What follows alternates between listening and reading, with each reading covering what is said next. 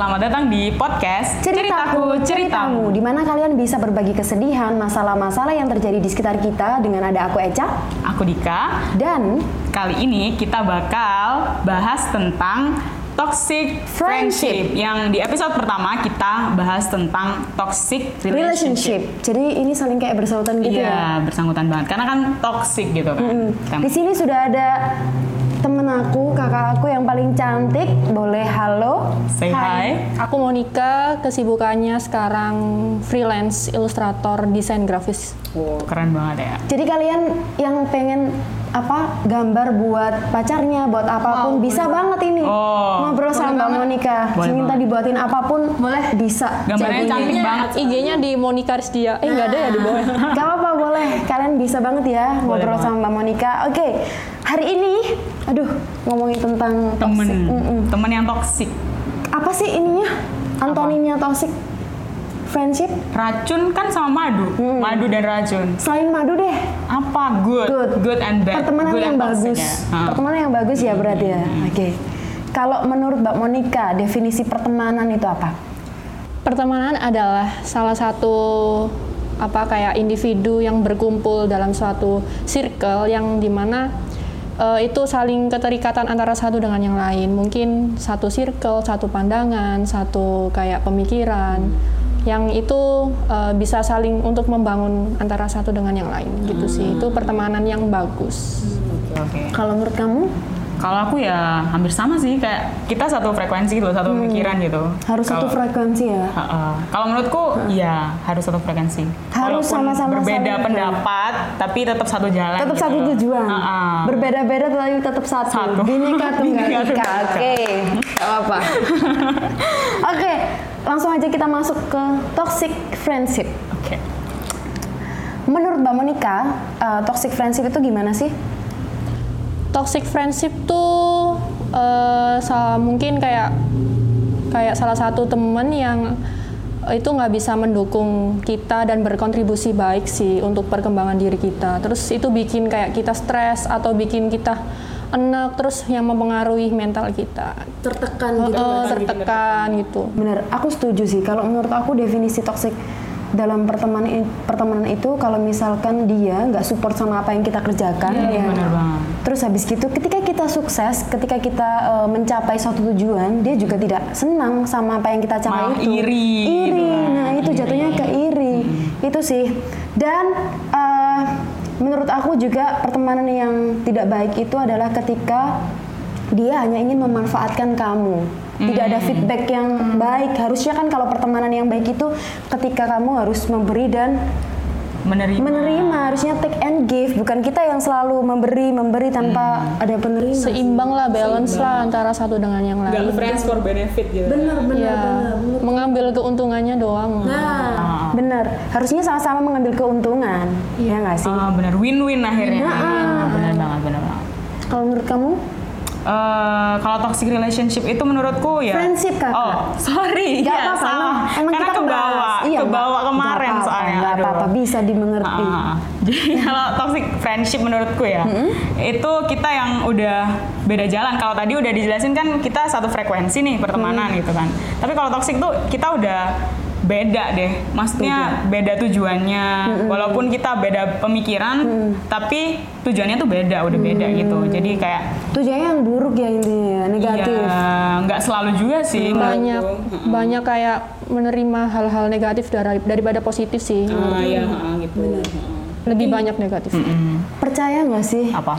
Dika sama Mbak Monica ini kalau misalkan kita ini kan udah berumur, kamu berapa? Belum ya? Abis ini 21. Oh, ya kamu masih 20, masih Iya. masih anak-anak. Oke, aku terima 21, Mbak Monica 22. enggak aku 17 tahun enggak enggak enggak habis ini dua-dua sih di sini dua-dua. Di sini 22. Oke. Aku udah masih muda banget kan muda, Iya, belum masih muda. belum ini belum belum belum ini ya, belum apa, belum siap untuk menikah. belum sih kalau aku Masih masih mau apa berkarya dulu, Iya, memperbaiki diri sendiri dulu. Kalau menurut aku ya, semakin kita dewasa, semakin kita tuh mempersempit atau memilih pertemanan yang baik, ya kan? iya makin Kita semakin kayak pilih-pilih, udah aku sekarang nggak mau asal pilih temen, aku nggak mau cuma dimanfaatin ya kan ya.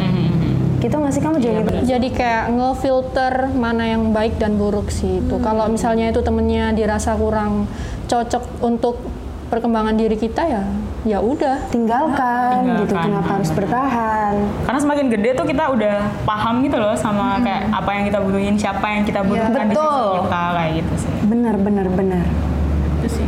terus selanjutnya Tanda-tanda teman toksik nih. Kakak kan pernah mengalami pertoksikan nih kan ya. Tanda-tandanya kayak gimana?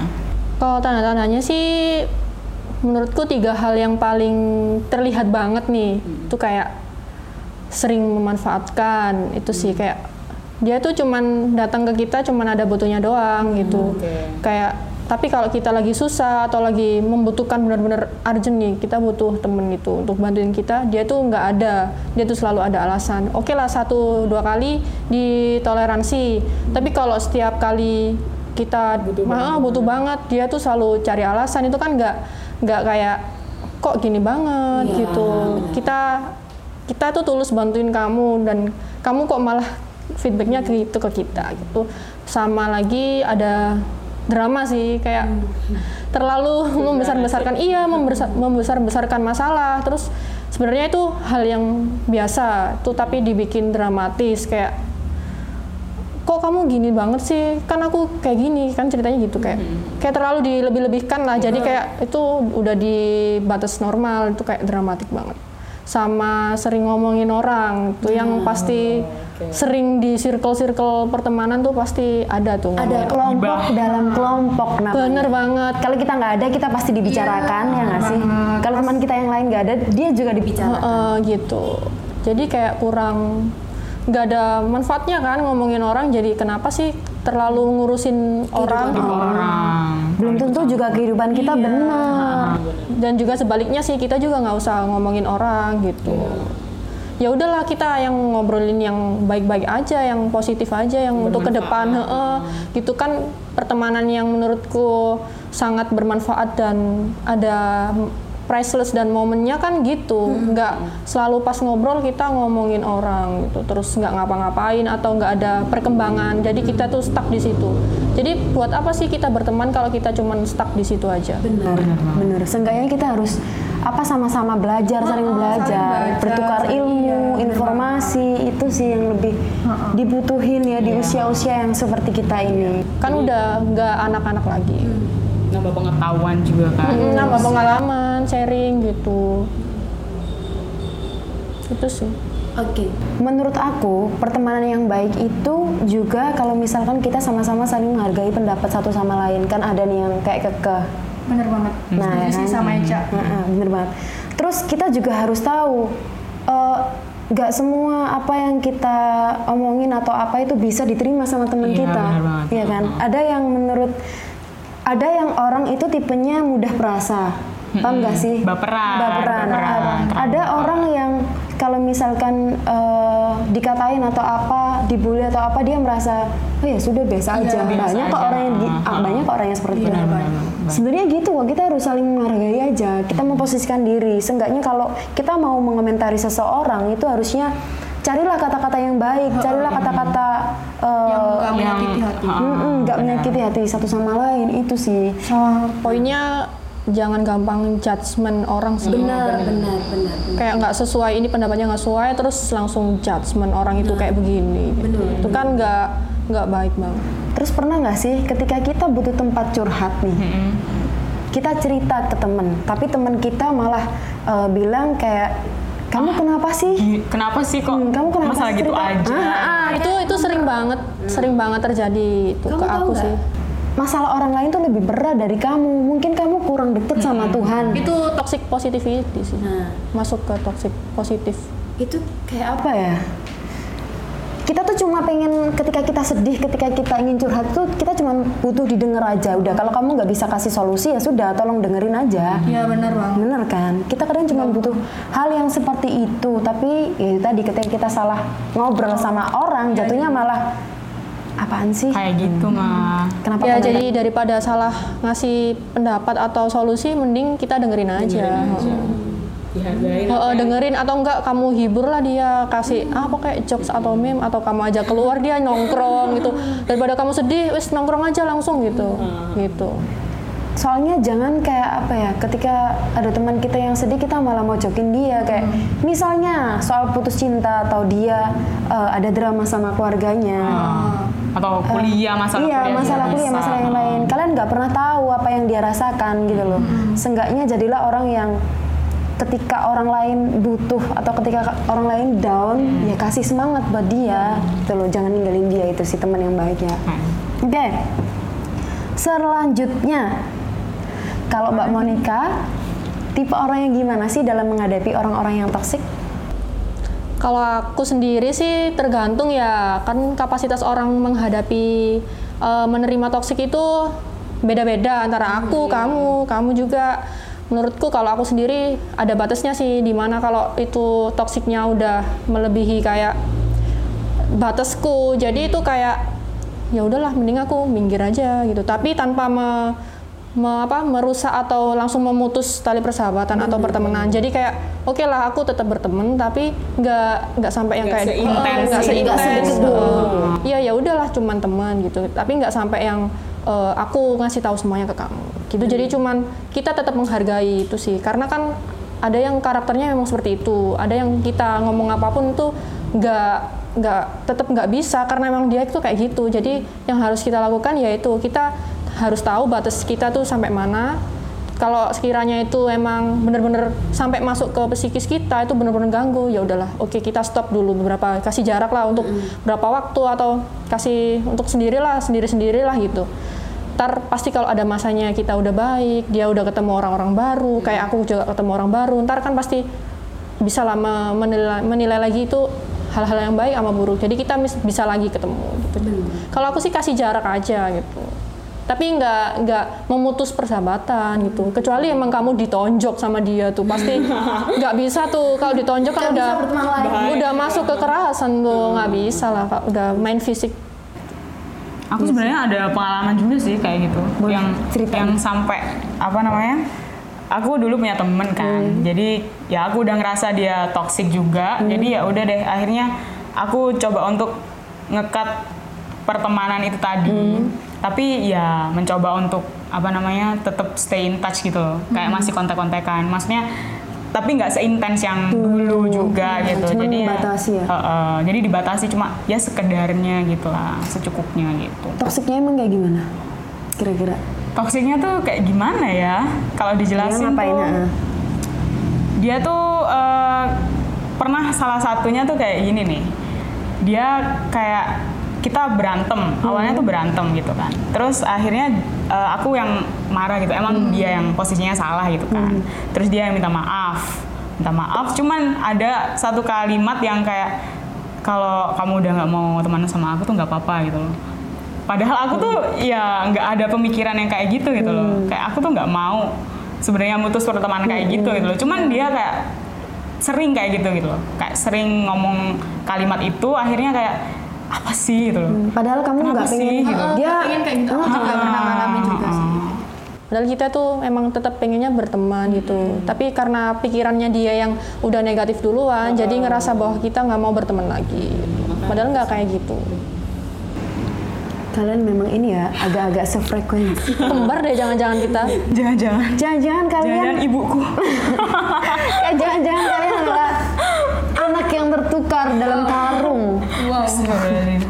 Oke, kita Oke. lanjut dik. Kalau eh, trauma gitu, ada nggak sih? Habis dapat eh, friend atau temen yang toksik kayak gitu, terus mau bikin eh, hubungan pertemanan lagi sama temen lain gitu, ada trauma nggak sih? Enggak sih kalau aku trauma. Trauma malah lebih ke hubungan. Enggak, enggak, enggak.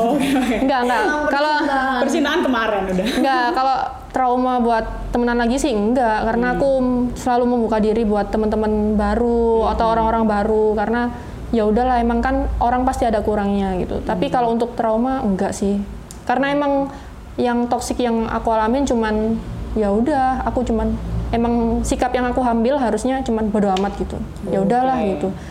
Emang dia kayak gitu tapi aku tetap tahu lah batasku se- seberapa gitu apa yang harus aku lakuin. Tapi kalau untuk trauma yang bener-bener nggak mau menjalin ke pertemanan lebih dekat itu enggak Terus jadi anak yang introvert, antisosial, nggak mau ngapa-ngapain. ya dan kan har- tapi harus mengerti sih tiap individu. Kalau mau berteman juga harus saling mengerti itu. Nggak nggak boleh disamakan. Temen temen ini sama ini itu sama. Nggak beda. Karakternya beda dan in- apa cara menyikapinya juga beda nggak boleh disamain. Ada yang satu ini eh, kalau ngejokes kalau bercanda misalnya itu dia bisa menerima itu. Ada yang satu lagi enggak jadi kamu harus mengerti bagaimana sikonnya dia kayak gitu. Anaknya itu gimana karakternya gimana gitu. Jadi kalau berteman nggak usah cuman-cuman basa-basi doang, percuma kalau teman cuman basa-basi doang. gitu. Kalau udah niatnya mengikat pertemanan dan menjalin persahabatan, kamu harus tahu bagaimana dia, karakternya dia, apa yang dia lakukan, kesehariannya juga harus tahu. Jadi misalnya kita lagi nggak di, misalnya si A lagi nggak sama kumpulannya kita nih hari ini, jadi kita tuh tahu hari ini dia tuh pasti kayak gini, mungkin lagi sibuk. Jadi kita nggak perlu ngomongin yang hal yang nggak baik tentang si A. Gitu. Pengertian. Heeh, dan juga sebaliknya sih menurut gitu. Saling pengertian, saling mengerti. Itu penting nggak cuman buat hubungan tapi buat pertemanan juga. Bener. Dari kemarin soal kita toksik pertemanan, ini friendship juga. Hal yang paling utama adalah sebuah komunikasi. Karena komunikasi, apalagi kalau lewat media sosial kayak WhatsApp, Instagram itu sering kali membawa salah paham, Benar, ya kan? benar. Gitu, sering banget kan? Bener banget. Jadi lebih Kayak baik nyindir-nyindir Nah, lewat snap iya, iya, itu juga nggak baik. snap Instagram gitu kan. Nggak baik ya teman-teman nyindir-nyindir itu. Mending langsung ngomongin aja ke orangnya. nanti malah meruncing dan ke mana-mana. Iya. Bisa jadi kalau kamu nyindir sebenarnya si A, bisa jadi yang Tapi tersindir itu si B, si C, si Z. Semuanya tersinggung akhirnya. Bener, jadi kayak nggak baik gitu kan. Ya, Oke, selanjutnya ya. Kalau benar, Benar. aku mau nanggepin Mbak Monica tadi ya. Kan Mbak, Mbak Monica kan nggak ada trauma nih. Kalau aku dulu tuh agak ada sempet trauma gitu sebenarnya. Ha. Jadi eh, karena hubungan pertemananku yang sebelumnya itu apa kayak terlalu apa sih? eh, kecepatan gitu loh kayak kita baru kenal terus langsung udah deket aja gitu loh kayak belum kenal satu Langsung, sama iya. lain Ha-ha. jadinya kita akhirnya putus tengah jalan gitu kan kayak ya itu tadi kayak gitu terus waktu aku mau kenal sama temen lain tuh kayak aduh aku nggak mau eh, langsung-langsung gitu loh. Ah, terlalu deket dulu gitu loh. jadinya akhirnya aku ya udah deh eh, jalanin dulu aja gitu pertemanan ini gitu. Jadi agak kayak Iya gitu emang gitu sih. Awalnya kan nggak mungkin kalau menyatukan dua orang yang berbeda kayak temen kan nggak mungkin langsung der langsung deket langsung Iya. kita kasih semua kan bertahap tuh bertahap kita tahu dia karakternya gimana sifatnya gimana baru tuh kita bisa sharing banyak nggak mungkin kalau langsung kita berteman langsung minta kita harus deket. sahabat, jadi iya sahabat. kamu harus jadi sahabat Kamu ya harus ya, nggak mau nah, itu udah hari. banget guys itu nggak boleh Ah. harus bertahap semua tuh berproses Gak bisa kalau misalnya kamu ingin temenan dan deket sama dia tiba-tiba tolong angkat aku jadi teman baikmu tolong bayarin semua makanan yang aku makan. Gak bisa gitu kan? Ada loh orang yang memanfaatkan seperti itu. Aku mau jadi teman dekatmu agar aku makan gratis, banyak. Ada kan? Aku mau jadi teman dekatmu agar UKT ku kamu bayar. Ada nggak ya? Nggak ada ya? Terlalu lebih kalau bayar. Iya. terlalu lebay Itu terlalu rafathar nggak sih kalau bayar UKT? Rafathar sama. Kiano. Ini bener. Terlalu sultan untuk iya bayar terlalu UKT. sultan benar banget selanjutnya eh, Mbak Monica apa nih? pernah kan berada di titik apa namanya berteman sama toxic relationship? Ter- kok relationship lagi friend? friendship Eca friendship. Sekarang ada yang udah ditinggalin atau masih temenan? Ada sih yang ditinggalin itu waktu zaman SMP tapi udah lama banget. SMP menginjak SMA itu hampir 4 tahun. SMA itu awalnya nggak tahu itu toksik. Taunya itu lama-lama makin lama. Aku kan orang yang berkembang dan aku seneng berproses untuk jadi yang lebih baik dan itu untuk diriku sendiri. Dia tuh nggak terima atas perkembanganku, kemajuanku. Karena selama ini aku tuh ngantil dia mulu, dia ke mana aku ikut, dia aku dia ke mana harus ikut dan harus pokoknya aku ngintilin dia sampai ada satu tem- beberapa temen juga waktu sekolah tuh bilang udahlah tinggalin aja dia tuh buruk. Tapi aku nggak percaya. Aku masih bebel karena dia udah temanku mungkin ya mungkin dia nggak tahu nggak ya itu emang dia kayak gitu dan aku apa aku menyikapinya itu tetap dia itu baik. Tapi lambat laun waktu udah masuk SMA tuh si temenin aku ini tuh iri dan dengki guys. Karena aku Oke. tuh eh, Lebih iya lebih iya enggak. Bukan prestasi sih. Dari waktu itu dari segi fashion sih. Aku kan anak yang seneng fashion dan le- lebih di atas dia. Kok Monica bisa gini ya sekarang ya? Kok sosmednya jadi gini ya gitu. Itu sih dia nggak terima. Terus dia tuh nge-unblock semuanya sosmedku. Terus ya itu akhirnya kayak oh baru itu ya empat tahun dari SMP temenan. Akhirnya nggak bisa lagi temenan lagi karena udah kayak ya lu kamu ke mana-mana aku temenin tapi kok tiba-tiba kamu kayak gini kayak hanya, hanya karena hal kayak gitu. Itu sih yang aku itu yang aku tinggalin. Udah nggak nggak nggak tahu lost contact. Tapi semoga dia baik-baik aja sih. Kayaknya dia juga pasti berkembang. Kalau di heeh, kalau di segi bidangku sih kan aku ilustrator desainer pasti ada lah satu orang yang iri dengki tapi nggak nggak kelihatan aja tapi aku menyikapi dengan santai tetap berkompetisi atau berkarya sesuai jalurku dan itu bukan pembuktian untuk dia bukan untuk dia dan aku tetap ke jalurku yang baik. Itu adalah pembuktian untuk kita sendiri. Iya harus ya nggak sih? oh, pembuktian untuk diri kita sendiri dan kalaupun kamu merasa bahwa aku maju itu karena atas pencapaianku harusnya kalian harusnya kalian kalau melihat temen yang udah maju tuh makin terpacu dan termotivasi gitu. Nggak nggak iri nggak dengki nggak malah ingin menjatuhkan secara perlahan atau manipulatif gitu. Memanfaatkan diam-diam itu nggak baik sih. Bener sih. banget. Kita ada nggak sih? memanfaatkan benefitnya dari dari dia dia itu yang udah udah naik terus kamu memanfaatkan dia itu nggak baik sih harusnya kalian bekerja atas dasar skill dan kemampuan kalian gitu sesuai dengan Kemampuan sendiri diri sendiri. Kamu pernah nggak sih ngalamin? Belum sih. Belum ya? Dan gak mau juga. Jangan sih. sampai sih. sampai sih. Heeh. Heeh. Tapi mungkin kita tuh pernah, cuman gak kelihatan. Atau kita yang nggak sadar. Nggak sadar. sadar tapi jadi pelajaran juga sih itu jadi pelajaran ke depan bahwa banyak pengalaman kayak gini tuh bisa jadi kamu ntar kalau ketemu teman baru bisa membackup temenmu ini lebih baik. Jangan sampai kayak gini. Kita harus bisa memposisikan temen kayak gitu gitu. Kayak pokoknya malah bagus sih kamu pernah disakitin orang misalnya disakitin temen gitu. Ya udah balas dengan yang baik-baik aja. Nggak usah dibalas dengan yang kamu sindir ke sosmed itu nggak perlu. Nggak ada gunanya. Capek nanti. Bener.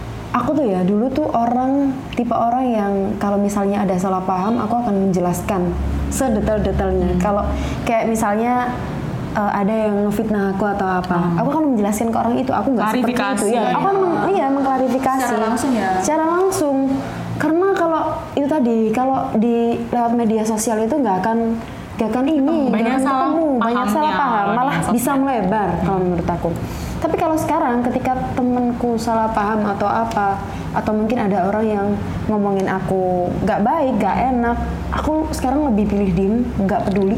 Terserah mereka mau bilang apa. Ini adalah kehidupanku. Aku nggak seburuk apa yang kamu pikirkan dan aku juga nggak sebaik apa yang kamu pikirkan. Jadi yaudahlah. Aku udah capek it gitu loh buat nah, buat mikirin apa kata orang, apa kata teman-teman, terserah. Ini adalah hidup aku gitu, biar aku aja yang mengatur gitu kan bener kan ya? Karena kan emang basic sosmed kan kadang-kadang bikin rancu tuh. Kan emang sosmed kill you itu bener. Jadi kayak kan emang nggak ja- bikin salah paham juga sosmed tuh emang gitu. Apalagi kalau chat gitu kan. Iya. Kita klarifikasi tapi lewat chat. Lewat chat nggak usah deh. Kalau misalnya ada masalah jangan selesai lewat chat atau telepon mending ketemu cari waktu buat ketemu. Klarifikasi lewat chat, aku aja nulis tipe, makin gak jelas ya kan? Makin salah paham. Oh. Kamu tahu sendiri kan ya? Iya. Oke, Aku baik. pengalaman soalnya. Mbak Monica juga tahu kan ya? Semakin ini, Semakin rancu, Semakin semakin rancu. Apaan sih maksudnya ini anak? lo tuh nulis apa sih sebenarnya di chat? Kayak gitu. Bener banget, bener banget. Jadi buat teman-temanku yang sering mendapatkan tipu dari aku, rasakan. Ya. Oke. Oke, eh, penutup nih. Saran. Saran untuk teman-teman. Sebenarnya tadi udah banyak banget kan saran-sarannya. Ya udah sekarang kesimpulannya. Yang lebih, Nah, kesimpulannya. Kesimpulannya untuk temen toksik sih eh, aku harap kalian banyak belajar sih itu. Belajar memahami orang lah. Sekeliling lah misalnya orang tua kalian atau saudara gitu itu penting banget sih sebelum kalian masuk ke lingkungan yang lebih cakupannya lebih luas gitu. terus apalagi ya kalau saran banyak-banyakin ngobrol sama diri sendiri sih apa sih namanya ngobrol sama diri sendiri self self communication Iya benar. pokoknya ngobrol sama diri sendiri sih "Eh, aku ini kayak gimana kurangnya ini gimana aku ini misalnya kayak kurangnya pokoknya Memahami diri eh, memahami sendiri. diri sendiri dulu lah pokoknya memahami diri sendiri diri sendiri dulu sebelum memahami orang lain itu itu sih lebih penting.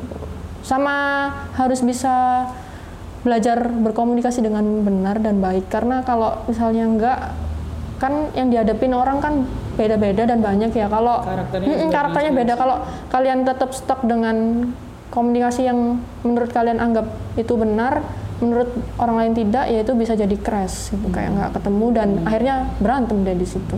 Jadilah toxic. Tapi satu lagi sih kadang bukan cuma teman kita yang toksik kita juga bisa jadi toksik tanpa kita sadarin gitu kan. jadi harus belajar sih sama-sama belajar sama-sama berkembang untuk banyak bersosialisasi juga. Itu nilai penting juga buat memahamin orang.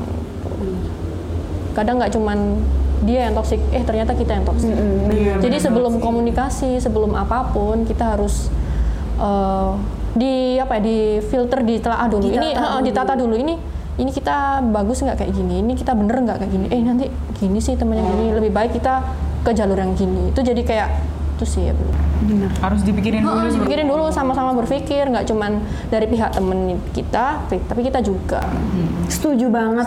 Setuju, banget sama yang udah disampaikan sama Mbak Monica, sarannya bagus banget. Semoga teman-teman juga bisa belajar. Kita semua yang di sini juga belajar, Belajar ya juga. soal toxic friendship, Friendship. Gitu. Eh, semoga yang ada misalnya kayak trauma tentang eh, trauma menjalin pertemanan lagi itu bisa pelan-pelan sih karena orang kan nggak selamanya kan trauma. Pasti seiring berjalannya dengan waktu kalian semakin dewasa semakin banyak bertemu dengan orang itu pasti kayak mengerti sendiri dan akan sendirinya kan gitu. Ngalir kok pasti akan ngalir sendiri gitu. Nggak mungkin orang itu akan membenci terus nggak mungkin orang itu akan benci dan pokoknya nggak suka terus kan nggak mungkin. Pasti ada tahap ada prosesnya ntar mungkin ya dia dibukakan pintu hatinya dengan Tuhan atau kitanya yang bisa lebih memaafkan dan legowo itu pasti ketemu lagi. Sama temen baru atau temen bahkan bisa memaafkan temen kita itu. Wah, keren sih kata-katanya bener banget ya nggak sih? jujur sekali ya.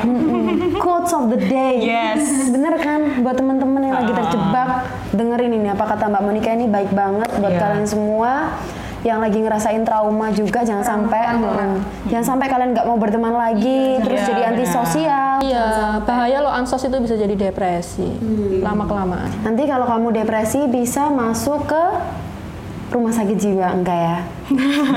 Ingat kan kata Ade Rai waktu itu di podcastnya siapa ya? Deddy Kobuser tuh bahwa yang lagi viral tuh kita tuh emang sejatinya manusia tuh makhluk sosial kita senang kumpul sama teman-teman gitu dan itu harus sih gitu bahkan ya itu kematian tercepat bahwa kita nggak bertemu teman-teman itu bikin stres bikin kita kayak down perlahan Heeh. kita harus tetap ketemu teman-teman tapi tetap ya itu tadi di filter Betul. sebenarnya kerasa banget loh waktu pandemi ini kita nggak nggak nggak ketemu sama ketemu. Temen gitu kan. bisa lah komunikasinya lewat video call grup atau bikin zoom itu. Zoom kan lagi rame tuh gitu. ngobrolin kalian hari ini ngapain? Aktivitas ngapain? Itu penting sih kalian saling komunikasi tuh. Jangan sampai pas pandemi terus nggak komunikasi nggak nggak tanya-tanya tetap apatis dengan dirinya sendiri. Nggak nggak boleh. Jangan sih ya. jangan.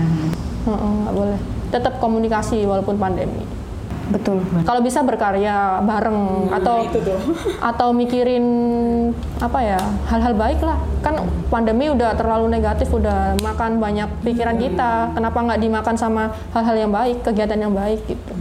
Jangan dibawa ke negatif. Nanti malah apa ya mood kita jadi buruk, buruk jadi aneh-aneh pikirannya ntar kan. Oh benar. bisa depresi nanti. manfaatkan waktu sebaik mungkin selagi punya temen. Betul, bener. Aku setuju dengan Mbak Monica. Oke. Kalian di rumah pasti juga setuju sama Mbak setuju Monica. sekali Oke, udah ya sampai di sini aja. udah atau mungkin ada yang mau ditambahkan lagi udah sih menurutku sharing toksik pertemanan itu oke siap Udah. oke Terima kasih buat teman-teman yang udah nonton podcast kita hari ini di Ceritaku Ceritamu. Sampai ketemu lagi di episode berikutnya. 3 dadah, Dadah. thank you